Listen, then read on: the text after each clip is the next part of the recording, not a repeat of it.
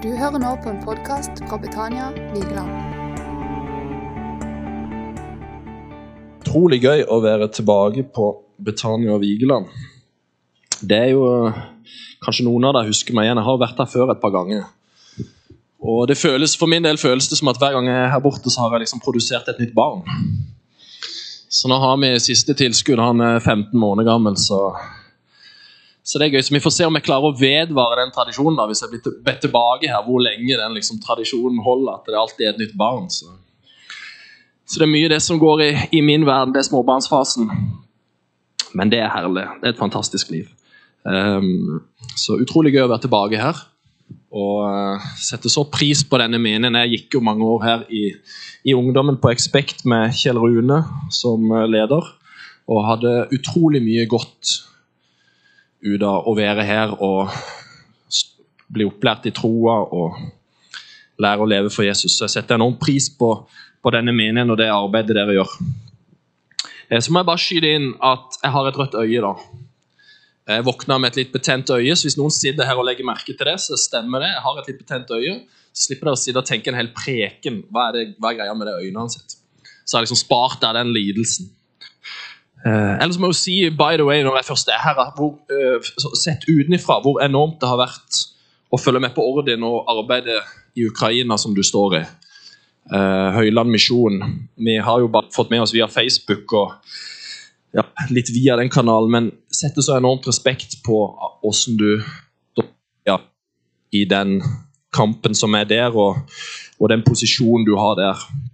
Kan ikke vi forresten be litt kjapt, når vi først er inne på temaet for Odin og Høyland misjon og Ukraina-arbeidet? Jesus, vi ber deg for Ukraina, Jesus, og, og Ordin, og at du skal legge din hånd på han, din nåde over han i den tida som er.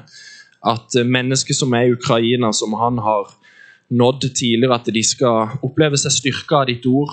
At, skal, at du skal legge din hånd over det, Jesus. Familie, barn, de som er igjen der nede, Jesus.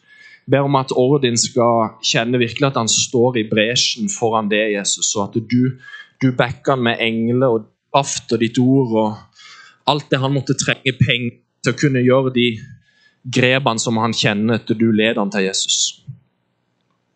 Det ber vi deg om, Jesus. Amen. Amen. Jeg skal preke i dag om din død med Kristus. Din død med Kristus. Det ble sagt, Jeg vet ikke om dere la merke til det, men det ble sagt tidligere her når, eh, når det ble lest fra Skriften med nattverden, at eh, for så lenge vi feirer nattverden, så forkynner dere Herrens død inntil Han kommer, ble det, ble det sagt med, fra Skriften her. Så det har allerede vært litt inne på temaet. Når vi to nattverden, så ble det forkynt Herrens død for oss. Men vi skal se litt også på det i Bibelen. Og Jeg vil gå til et bibelvers i Salme 90. Lese det. Og så skal vi be, og så hopper vi inn i, i dette ordet.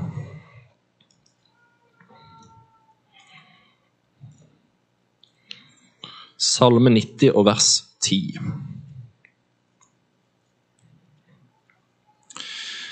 Vårt livs dager er 70 år, og når styrken er stor, 80 år. Dets stolthet er strev og tomhet. Hurtig farer de, vi flyr av sted. Hvem kjenner din vredes styrke og din harme, slik frykten for deg krever? Lær oss å telle våre dager, så vi kan få visdom i hjertet. Jesus, vi ber om at eh, din Hellige Ånd skal være her nå, Jesus, når vi går inn i ditt ord. At som Paulus ba, at du skal opplyse våre hjertes øyne, så vi kan se den rikdommen vi har i Kristus, den arven vi har i Kristus. At du skal åpne våre øyne litt mer for deg i dag, Jesus. Amen. Vårt livs dager er 70 og med styrke Der. Ja. Vårt livs dager er 70 år. Og når styrken er stor 80 år. Jeg så for gøy å bare google opp det at forventa levealder i Norge i 2020 den var for kvinner 84,9 år, og for menn 81,5 år. Så kvinner har litt lengre forventa levealder altså, enn en menn. Hvorfor det? Det kan vi sikkert diskutere opp og ned, og det finnes sikkert noen gode svar på det. Det har jeg ikke satt meg inn i, men kvinner har i hvert fall litt eh, lengre forventa levealder. Men Bibelen sier her 70 år, og med stor styrke 80 år. og Hvis du går over det, så er du veldig sterk. da. Det er det livet du har fått. 70-80 år her på denne jorda. Da er du liksom, Det er det Gud har sagt. Det, det har du fått. Og vi glemmer lett det som mennesker, at vi skal dø en dag. At det er ikke evig, det vi holder på med her nede. Det er bare midlertidig, dette livet. 70-80 år. Da, du, der du liksom, skal du være veldig fornøyd hvis du får oppleve det. Og jeg tror at, som det står her, lær oss å telle våre dager, så vi kan få visdom i hjertet. Jeg tror vi må på en måte forstå at vi skal dø. At det kommer en dag hvor vi faktisk skal dø fra dette. Det er ikke noe vi går rundt i uten en ende. Og når vi forstår det, og klarer liksom å telle dagene våre, legge en plan, så blir vi vise. Jeg tror at døden, og, på en måte ikke å glemme døden i hverdagen, er bra. For da ser du litt mer hva som er viktig og ikke. Utrolig mange ting i våre liv som vi legger enorm betydning på, som egentlig i det store bildet er ufattelig uviktig når du tenker på at du skal dø en. Absolutt, det er gøy om du får litt, litt finere malte vegger hjemme. Det er kjempegøy. Men i det store og det hele den dagen du dør, så vet jeg ikke hvor mye det egentlig betydde om den var liksom crispy blue, eller om den var grå, den veggen. Og i vår kultur i dag så lever vi i en verden hvor vi later som om det ikke fins noe død. Alt som påminner oss om døden, det fjerner vi. Vi opererer oss for ikke å se gamle ut. Og vi har en opptatthet som gjør at vi liksom ikke føler på at dette skal ta slutt ennå. Men Bibelen sier det ganske klart her. 70-80 år, så er det ferdig. Og lær deg å telle de dagene du har, så du blir vis i hjertet ditt. Hvis jeg skal, forklare, hvis jeg skal fortelle deg hvordan din framtid på jorda ser ut, så er det en ganske hard fortelling, men det er utrolig sant. og det, jeg tror det er utrolig godt å høre. Din framtid er at du har et 70-80 år i liv, så skal du dø. Hvis du er heldig, og så skal du dø. Så vil du ha en begravelse, og menneskene rundt deg som er, er glad i det, vil oppleve sorg. Så hvis den sorgen blir tatt ut på en god måte, så vil de sitte igjen med gode minner. Forhåpentligvis. Sitte igjen med masse gode minner fra det. Og så dør de en dag òg. Og da vil du være helt glemt. Helt glemt. Folk på jorda vil ikke huske at du har vært der engang. Kanskje det ligger noen digitale spor, kanskje det finnes en gravstein. Litt forskjellige ting som på en måte vitner om at du har vært der, men ellers er du glemt. Det er vårt liv. Vår framtid på denne jorda. Og det er veldig lite vi kan gjøre med det. Og jeg tror det Død er noe som ikke er så gøy å prate om, men jeg tror det er veldig viktig at vi som kristne tør å prate om det. Spesielt også fordi at vi skal ha en oppstandelse. Og Det er egentlig en naturlig fortsettelse til, til denne preken. Men i dag så handler det om døden og ikke om, om oppstandelsen. Men la oss først definere litt. Hva er død, da? Hva er det egentlig å dø? For å gi en definisjon på det, så kan man si at hver gang døden inntreffer, så skjer en form for separasjon. Døden er separasjon. Død er ikke slutten på eksistens. Død betyr ikke at du forsvinner ut av eksistens. Død betyr at du blir separert. Hvis du har en person som ligger på dødsleiet, så kan du prate med den personen, du kan kommunisere så lenge det fins liv der, men når personen er død, så er han bortenfra å nås. Han er skilt fra det separert bort. Det er definisjonen på død. Separasjon, skilsmisse. Du blir skilt vekk. Og Vi skal lese i Bibelen om første gang død introduseres. Det finner vi i første Mosebok, kapittel 1.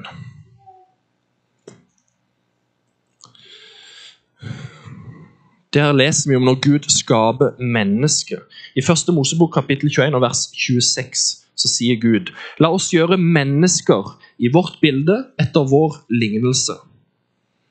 Vers 27. Og Gud skapte mennesket i sitt bilde. I Guds bilde skapte han det. Til mann og kvinne skapte han dem. Gud skaper mennesket i sitt bilde, til sin lignelse.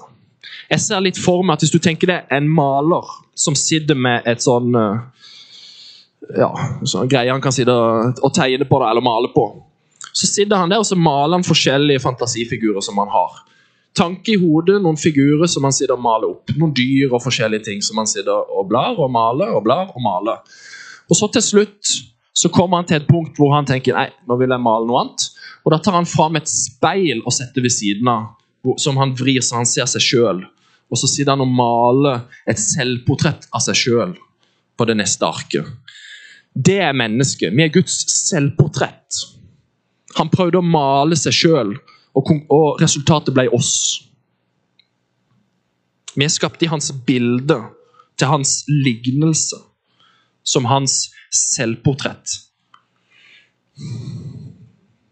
Og alt Gud skaper i begynnelsen, hvis du leser de første kapitlene i Bibelen, det skaper han med hjelp av sitt ord. Hans pensel, det er hans sitt ord.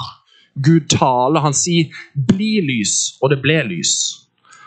Hans, hans ord har på en måte skaperkraft, så han taler ut, og så blir det til. Nesten som om jeg får et sånt bilde i hodet at nesten som han taler, så kommer det en slags røyk ut av munnen, og så bare blir dette tingen. liksom. Bli lys, og så bare kommer det lys ut av ut av ordene. Sånn skaper Gud alt utenom én ting, og det er mennesket. Hvis vi leser i kapittel 2 og vers 7, så står det Og Gud Herren formet mennesket av landjordens støv. Se for deg at Gud tar liksom moll og jord og leire, og så former han en menneskekropp som ligger på marka. Helt livløs, som en slags statue som ligger der. En menneskelig statue, helt livløs, lagd av leire eller landjordens støv. Og så er det ikke sånn at Gud taler inn liksom liv i dette og sier 'bli liv'. Det står at og han blåste livets ånde i hans nese, og mennesket ble til en levende sjel. Alt Gud skaper, skaper han med hjelp av ord, utenom mennesket. Mennesket blåser han sitt eget liv inn i.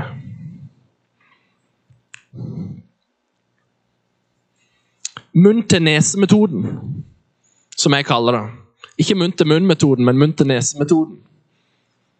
Han blåser livets ånde inn i hans nese, og mennesket ble til en levende sjel. Vi blir født av Gud. Vi blir ikke bare skapt av Gud, vi blir født av Han. Vi mottar hans eget liv.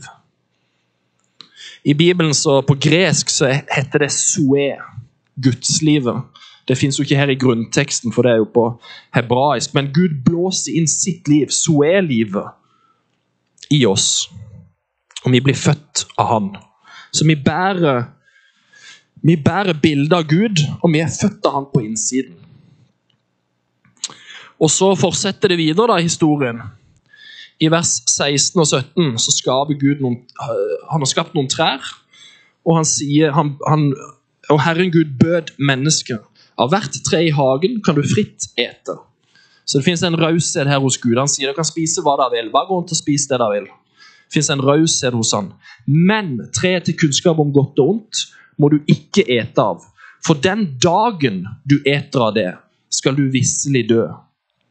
Her er første gang i Bibelen at vi blir introdusert for døden. Den dagen du spiser av det, skal du visselig dø. Så kan man jo tenke da, åh, hvorfor måtte Gud skal ha med dette treet her? da? Hadde det ikke vært mye bedre hvis han bare hadde latt være å skape eh, dette treet med kunnskap om godt og vondt? Så hadde vi jo sluppet hele denne sulamitten og alt som brakte løs og kom i etterkant her. Hadde ikke det vært en mye bedre idé hvis han bare skapte alt sånn som han gjorde, men sløyfa dette treet? Det er en veldig naturlig tanke og et veldig godt spørsmål. Og svaret på det er helt enkelt at hvis han skulle ha en kjærlighetsrelasjon med oss, som var egentlig hele tanken med at Gud, Gud skapte oss, så var en forutsetning for det at vi hadde ekte fri vilje. Og kunne velge å elske han tilbake. Hadde ikke Gud skapt dette treet her, så hadde vi bare vært dokker. Det hadde bare vært et sånn dokkespill med oss. Hvis vi hadde sagt til Gud 'jeg elsker det', så hadde det bare vært en programmert kjærlighetserklæring. Det hadde ikke finnes noe ekte hos oss av fri vilje bak det. Det hadde bare vært en dokke som var programmert til å si det tilbake. Tenk deg litt hvis du kom inn og skulle stemme med et valg. Tenk deg hvis det var presidentskap i Norge, da. hvis vi er i USA da, og det er presidentstyre. Og du kommer inn og skal stemme til valg. Så kommer du inn i stemmelokalene og går fram til stemmeurnen. Og så er det bare én kandidat du kan stemme på.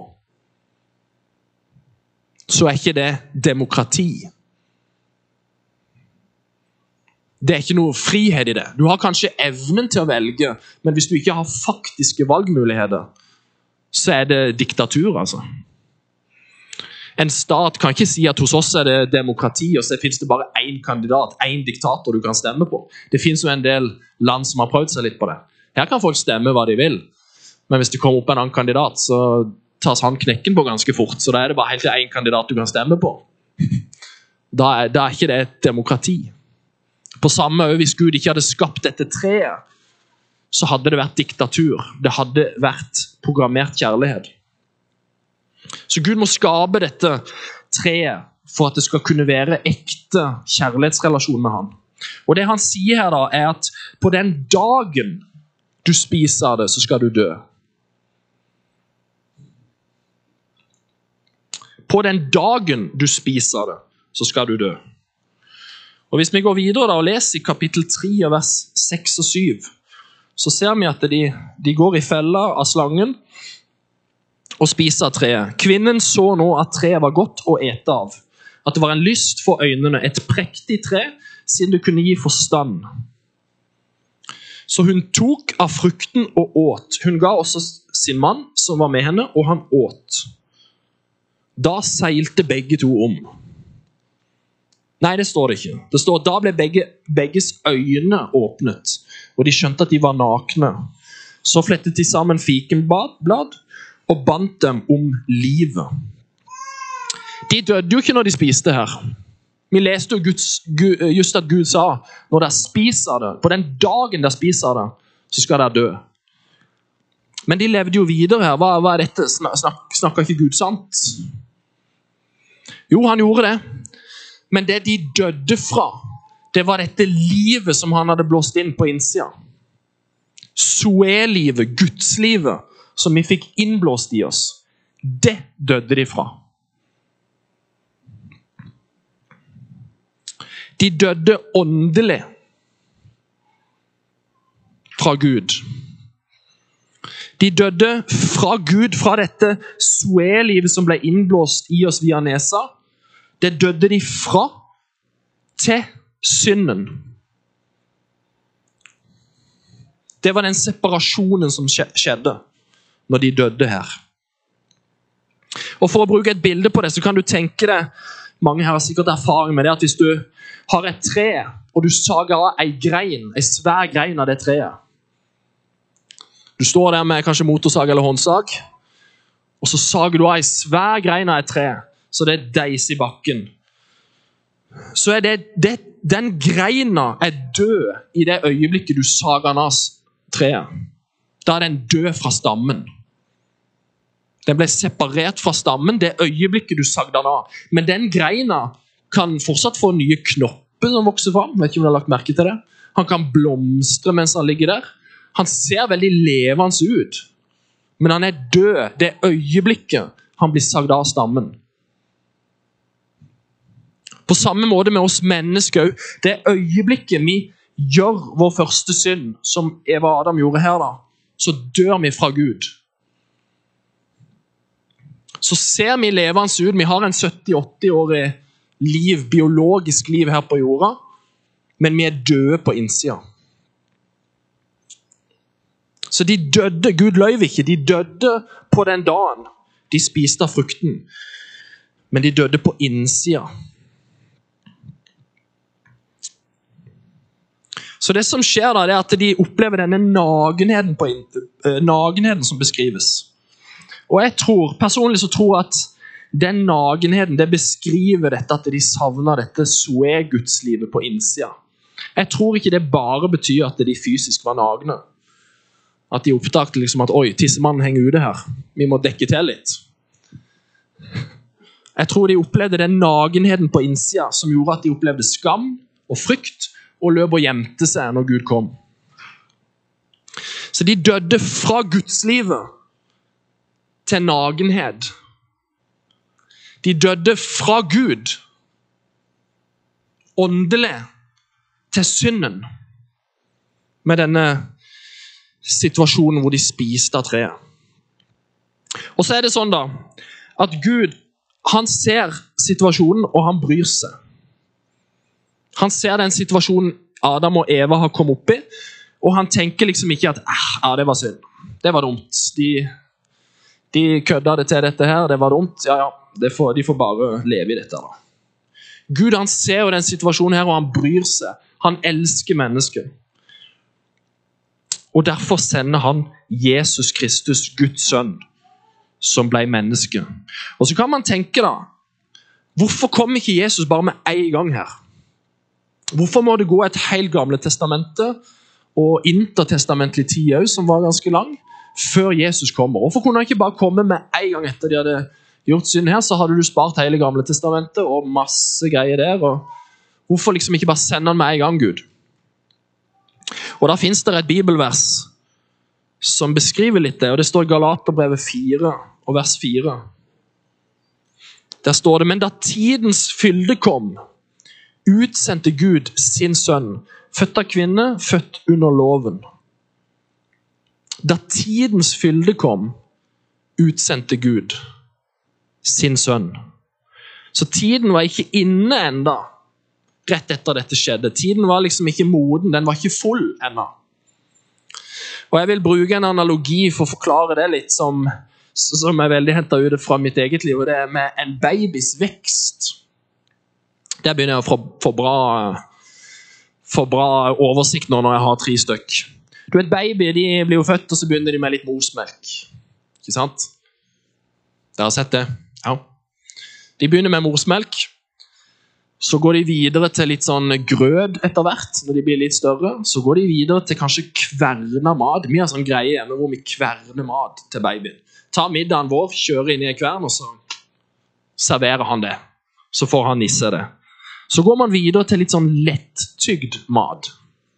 Før man til slutt kan spise litt tyngre mat. Og Det har jo selvfølgelig med hvordan eh, de gror tennene og fordøyelsessystem og alt mulig som gjør at de må gå gjennom den prosessen. Så tenk deg hvis du står på kjøkkenet og så steiger du en mediumstekt entrecôte-biff. Nå er det mange, nok mange som blir sultne her. Du står og kjører han tre minutter på hver side, så han er sånn riktig mediumstekt. Og så slenger du den eh, biffen der oppå tallerkenen til en tre måneder gammel baby. Så tror jeg du skal få se at det er ikke mye han klarer å få ned av den. Han kommer sikkert til å sitte der og slå i bordet med den og kanskje slikke litt på den, men han, han skjønner liksom ikke hva, hva er dette for noe. Og Det er veldig viktig å forstå at det er ikke noe galt med biffen, men babyen er ikke moden ennå. Han må gå gjennom hele denne prosessen vi beskrev her, med og på en måte klargjøres til å kunne spise biff. Og Derfor begynner Gud fra første Mosebok denne prosessen med å klargjøre oss mennesker til å kunne ta imot Jesus. Så han jobber på mennesket steg for steg for å få oss opp, sånn at tiden er inne for at Kristus kan komme. For Tenk deg hvis du da tar denne biffen og slenger den opp på tallerkenen til en 40 år gammel mann som ikke er vegetarianer. Da forsvinner den i løpet av et kvarter. Med sikkert veldig mye velbehagelige lyder osv. Så, videre, så går den ned på høykant. Garantert. Så hvis Jesus bare hadde kommet her med en gang etter syndefallet, så hadde ikke Eva og Adam forstått noen ting. Hvis han hadde kommet, reist opp et kors, hengt på korset, dødd, stått opp igjen og hele frelsespakka, så hadde det ikke vært noe galt med biffen. Da hadde, frelsesverket hadde vært perfekt. Men Eva og Adam hadde ikke skjønt noen ting. De hadde ikke forstått hvem er dette, hva er det som skjer, hvorfor skjer det, hvordan skal vi ta imot, forholde oss til dette her. De hadde ikke hengt med på noen ting. Derfor må Gud begynne denne prosessen da, med å få tida til å bli moden. Få babyen til å komme opp til det at han tåler tyngre mat før han kan sende Jesus. For Gud gjør ikke frelsesverket bare for at han skal føle at han har gjort noe for å hjelpe oss. Gud er ikke ute etter å føle litt godt med seg sjøl at ah, oh, de, de dreit på draget. Ja, men vi sender Jesus, så kan i hvert fall jeg føle godt med meg sjøl, selv, selv om disse går fortapt. Gud er ikke ute etter den følelsen der. Han er ute etter å faktisk prøve å redde oss. Derfor gjør han alt han kan for å øke den sannsynligheten da, mest mulig. Så når tiden var inne, så sendte Gud sin sønn, Jesus Kristus, til jorda. Og jeg regner med de fleste her kjenner godt til historien om Jesus. At han levde et liv uten synd. Han gjorde det vi ikke klarte. Levde et liv totalt uten synd og dør på korset for oss. Tenk deg at han tok på all vår synd på korset. Hver eneste synd du har gjort fra du ble født, til den dagen du er ferdig med dette 70-80-årige livet, tok han på seg på korset. Hver eneste synd. Jeg leste at det er jo ikke så lenge til menneskeheten på jorda bikker 8 milliarder. Tenk at det er snart 8 milliarder mennesker på jorda. Tenk hvor mange synd som blir gjort. Hvis du bare tar én dag, hvor mange synd den gruppa på 8 milliarder klarer å gjøre. Tenk hvor mange milliarder synder Jesus tok på seg. Jeg prøvde å slå opp bare for gøy. Hva er liksom det største tallet som fins? Og Det er et tall som heter Grahams tall. Og det er så stort at du kan ikke skrive det med vanlig matematisk notasjon. Så du bruker bare ei pil opp for Grahams tall. For det er så enormt at det er bare satt som ei pil opp. Jeg tror det er på en måte tilnærma ganske der Jesus var når han tok på all vår synd. Bare ei pil opp. Og det som skjer da, når Jesus går på korset, det er at han òg dør når han kommer på korset. Jesus dør faktisk på korset. Og hans død på korset det innebærer òg en separasjon. Jesus han går inn i vår plass i synden. Og det som han gjør når han dør, det er at han dør bort fra synden til Gud.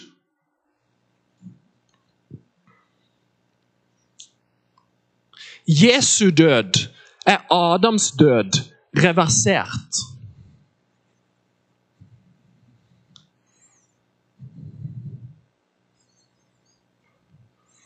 Adam døde bort fra gudslivet til synden.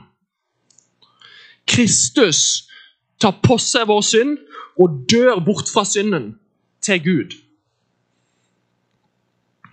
Adam døde pga. ulydighet bort fra Gud. Kristus dør pga. lydighet bort fra synden. Jesu død virker også separasjon, men denne gangen bort fra synden. Er, den døden han dør, er Adams død, reversert. Vi kan lese et vers på dette i 1. Peterbrev, kapittel 2, og vers 24.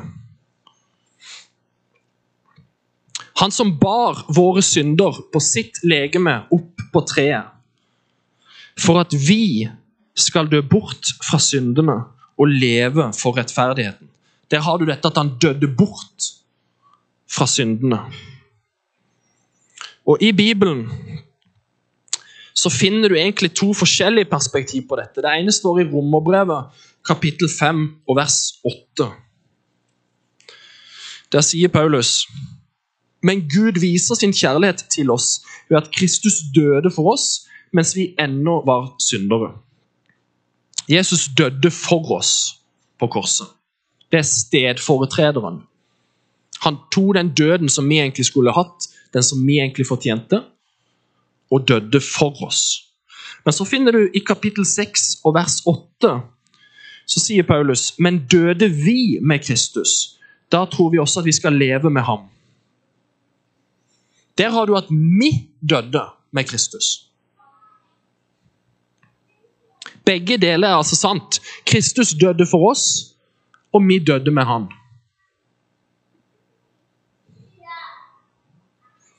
Vi har gjennom nåden og gjennom troa fått del i Jesu død. Vi er innsatt i Kristus, så vi går på en måte Når vi tar imot Jesus og kommer inn i han, så går vi sammen med han i denne overgangen fra synden til Gud. Vi får del i den. Av nåde ved tro.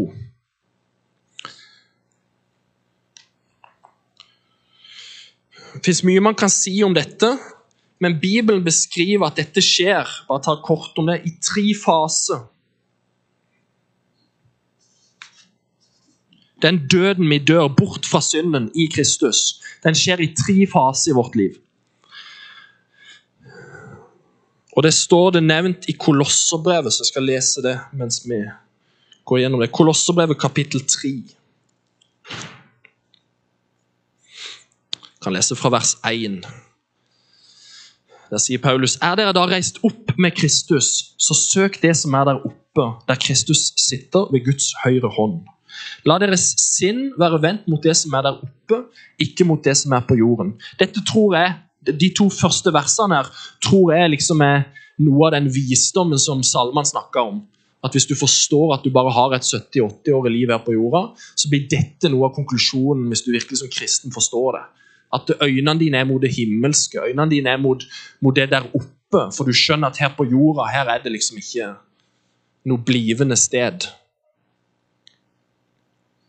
Så kommer det i vers 3. Dere er jo døde her det at, beskrives det at vi er døde. Ikke bare at Kristus er død, men at vi er døde. Og deres liv er skjult med Kristus i Gud. Vi har del i Jesu død. Det kalles, I teologien så kalles det for rettferdiggjørelsen. Rettferdiggjørelsen. Vi dør bort fra syndens skyld. Og så kommer det i vers 4. Når Kristus, vårt liv, åpenbares, altså når han kommer tilbake igjen, da, da skal også dere åpenbares med ham i herlighet.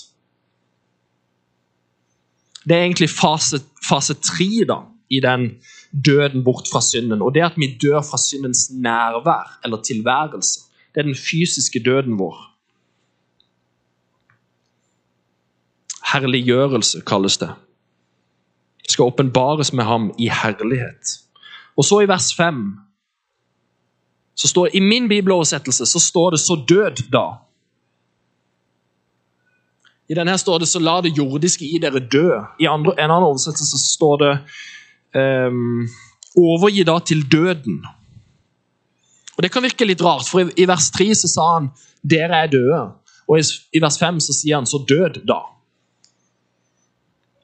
Så det virker som Paulus er litt sånn eh, Blander du litt her? Du sa just vi var døde, og nå sier du at vi skal overgi til døden. Og Det er pga. at det fins disse fasene da, i denne døden bort fra synden sammen med Kristus. Og det er vers 5 her, da. Så død da, dere jordiske lemmer. Utukt, urenhet, syndig lidenskap, ond lyst, pengegriskhet, som er avgudsdyrkelse. Det er snakk om helliggjørelse. Det er den fase to av vår død fra synden. Og da skal vi dø fra syndens makt. Rettferdiggjørelse, da dør vi fra syndens skyld. Vi blir rettferdige innenfor Gud. Fase to, helliggjørelse. Da dør vi fra syndens makt til et frigjort, hellig liv i Kristus. Og herliggjørelse. Da skal vi dø fra syndens nærvær, syndens tilværelse, til en ny tilværelse i Kristus. Som Bibelen beskriver, en ny himmel og en ny jord og en ny kropp. Og Det er egentlig en naturlig oppfølging på den preken her med oppstandelsen. Og Det fins et bilde på dette som jeg liker veldig godt fra Gamle Testamentet. Det ble faktisk nevnt litt her i begynnelsen, nesten, så det følte nå Nå, nå stjeles prekenen her. Men uh, det går bra. Uh, og det er med israelfolket. Der det, ligger det et bilde i Gamle Testamentet på dette med disse fasene. og Det er israelfolket som sikkert du som kjenner din bibel, her kjenner til, så var jo de slave i Egypt. Josef kom til Egypt, og de flytta til Egypt. og så Med tida der så vokste det og ble et stort folk. og Farao tenkte dette for det første, dette er litt skummelt, de kan jo ta over hele Egypt plutselig hvis de finner ut av det. Og så tenkte han det er jo mye god eh, arbeidskraft i disse folkene, så vi kan jo gjøre det til slave. Så Israelfolket var slave i Egypt under farao. De levde et liv i tunge byrder. Det er et bilde på oss under synden. Oss i denne tilstanden her, da i Adams død, hvor vi er underlagt synden. Vi har dødd bort fra Gud til et liv under synden. Vi er slave i Egypt. Og Hvis du leser om det, så står det at eh, Gud sendte plager. Og på den siste plagen så smørte israelittene blodet fra et lam over dørbjelkene og dørkarmen. Og Det er et bilde på Jesu blod og at vi mottar Jesus i våre hjerter.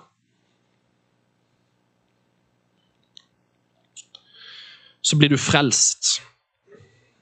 Dødsengelen går forbi, og de får reise ut av Egypt. Tar du imot Jesus, så får du reise ut av Egypt. Du kommer ut av, av på en måte herredømmet til synden. Du blir rettferdiggjort. Og Så går veien videre gjennom Rødehavet for israelfolk, som ble nevnt her. Og Det er et bilde på dåpen i vann. De går gjennom vannet. Og Det er interessant å lese der at faraos styrke, eh, styrke de drukner i dette vannet.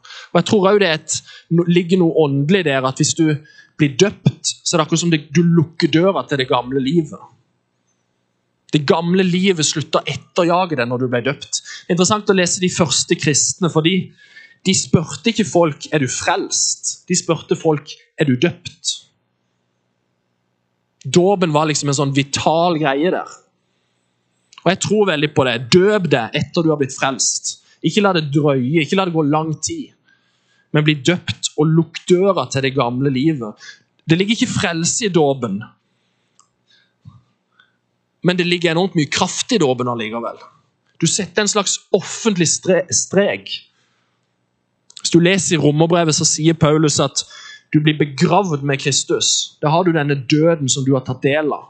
Som du liksom offentlig viser at du har tatt del av. Og Det er akkurat som det gamle livet slipper litt da. Og Så går de ut i en lang ørkenvandring, israelittene. De har nå kommet ut av Egypt. Nå skal Egypt komme ut av de. Det er helliggjørelsen. Tenk deg, de, Det står jo at de var 430 år i Egypt.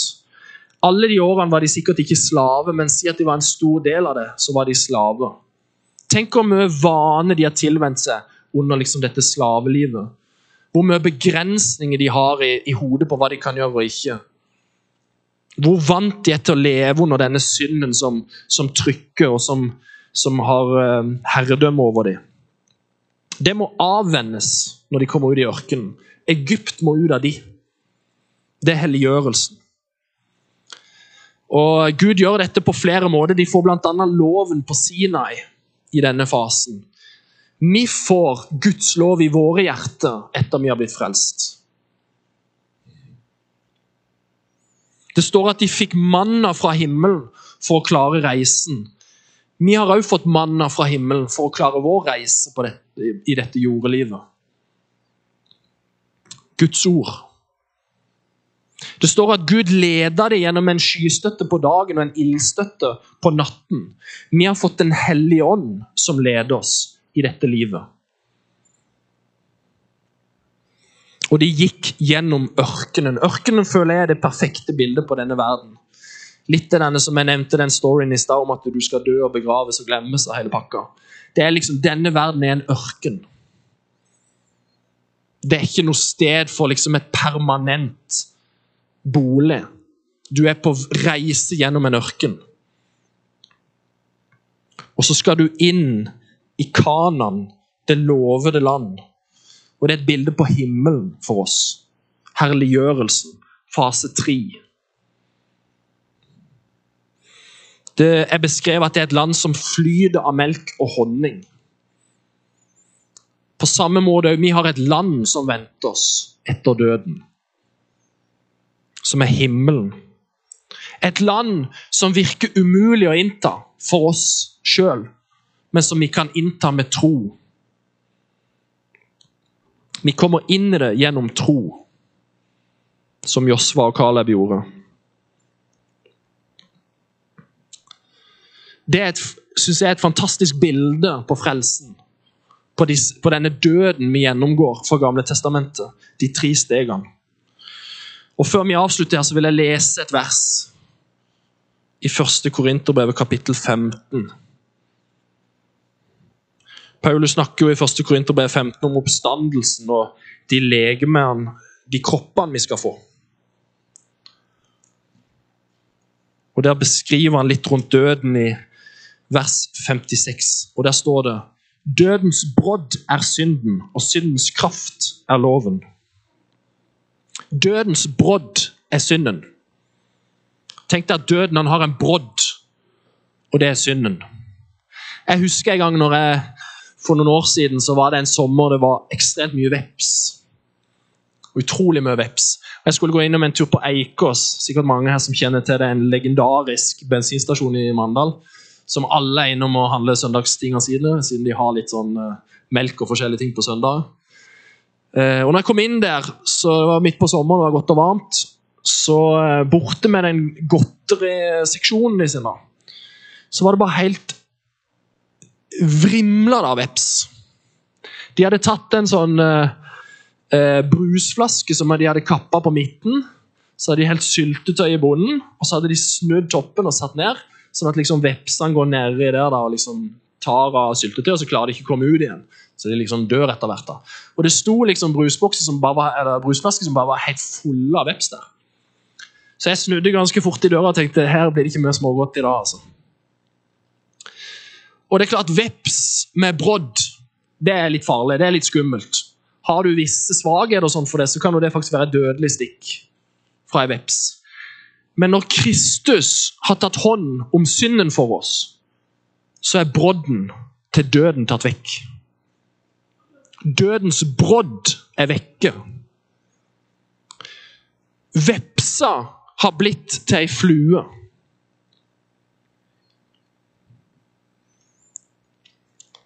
Det er fortsatt utrivelig å tenke på døden. Det er fortsatt ubehagelig jeg mener Hvis det kommer ei, ei veps, og du ser, sier du ute en sen sommerkveld og spiser middag, og det kommer ei veps, og du ser at den har ikke brodd, så er det fortsatt ubehagelig hvis han blir veldig nærgående. Det er typisk at de skal veldig opp i munnen og nese og i maten din. og alt. Det er liksom ikke kjempegøy. Men når du ser at han ikke har brodd, så trenger du i hvert fall ikke være redd. På samme måte er det med vår fysiske død òg. Kristus har tatt vekk synden, og brodden er tatt vekk. Døden er for oss ei flue og ikke ei veps. Vi skal inn i Kanan, himmelen gjennom døden. Døden for en troende, den fysiske døden, er ikke slutten på å leve. Det er slutten på å dø.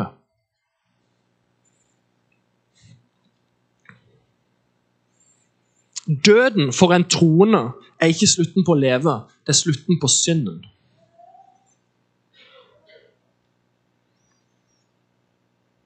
Derfor tror jeg at vi fortsatt må gå gjennom døden, selv om vi er frelst. For at vi skal bli av med synden. Denne kroppen må dø. for at vi skal bli av med synden. Synden har satt sitt preg på denne kroppen. Og Derfor må jeg avlegge den og få en ny kropp. For at vi kan leve det livet uten syndens tilværelse i Kristus. Paulus sier jo faktisk i Filipperbrevet 1,21 at å dø for meg er en vinning i Kristus. Jeg skal inn i Kanan. Vil du helst være i ørkenen, eller vil du heller være i Kanan? Vi skal hjem til Herren, til Kanan. Jeg vil lese, avslutte her med Galaterbrevet kapittel 2 og vers 19-20, som de siste versene vi leser. For jeg er død ved loven. For jeg er ved loven død for loven, for å leve for Gud. Jeg er korsfestet med Kristus. Der finner du igjen, der plasserer Paulus seg sjøl inn i Kristus på korset. Jeg er korsfestet med Kristus. Han sier ikke at Kristus er korsfesta for meg, det er jo også sant, stedfortrederen. Men jeg er korsfestet med Kristus. Jeg lever ikke lenger selv, men Kristus lever i meg. Det liv jeg nå lever i kjødet, det lever jeg i troen på Guds sønn. Han som elsket meg og ga seg selv for meg. Vi kan avslutte med å be litt. Jesus, vi takker deg at du døde for oss på korset. At du tok denne døden som gjorde at vi kan gå fra nagenhet til gudslivet. Takk at du elsker hver eneste person i dette rommet. Du ga ditt liv for hver eneste person som sitter her i dag, Jesus. Jeg ber om at du skal åpenbare enda mer hvor mye vi har del av det du har gjort. Den arven du har etterlatt til oss. At vi skal se hvor rike vi er som troende på det. Hvilken enorm framtid vi har foran oss. Jeg ber om at du skal hjelpe oss til å forstå at vi har et 70-80-årig liv hvis vi har stor styrke og er heldige. Og så skal vi videre inn i Kanan. At vi ikke skal glemme hvor vi er på vei at ikke ting i livet skal få så mye betydning som egentlig er ganske betydningsløse. At du skal hjelpe oss å, som Paulus, feste blikket på det himmelske. Se inn i himmelen og se Kristus sitte med Guds høyre hånd. At det er der vi er på vei. At det er der vi er på vei. Denne verden er bare en gjennomreise. Det er bare en ørkenvandring. Hvor vi har masse godt, hvor vi har, skal nyte livet, vi skal følge det. Vi skal få manna, vi skal følge Den hellige ånd. Men vi skal inn i Kanan. Det er der vi er på vei. Og det er der vår evighet ligger. Takk for det, Jesus. Hjelp oss til ikke å bli så påvirka av vår kultur at vi ikke fester blikket vårt på det. I Jesu navn. Amen.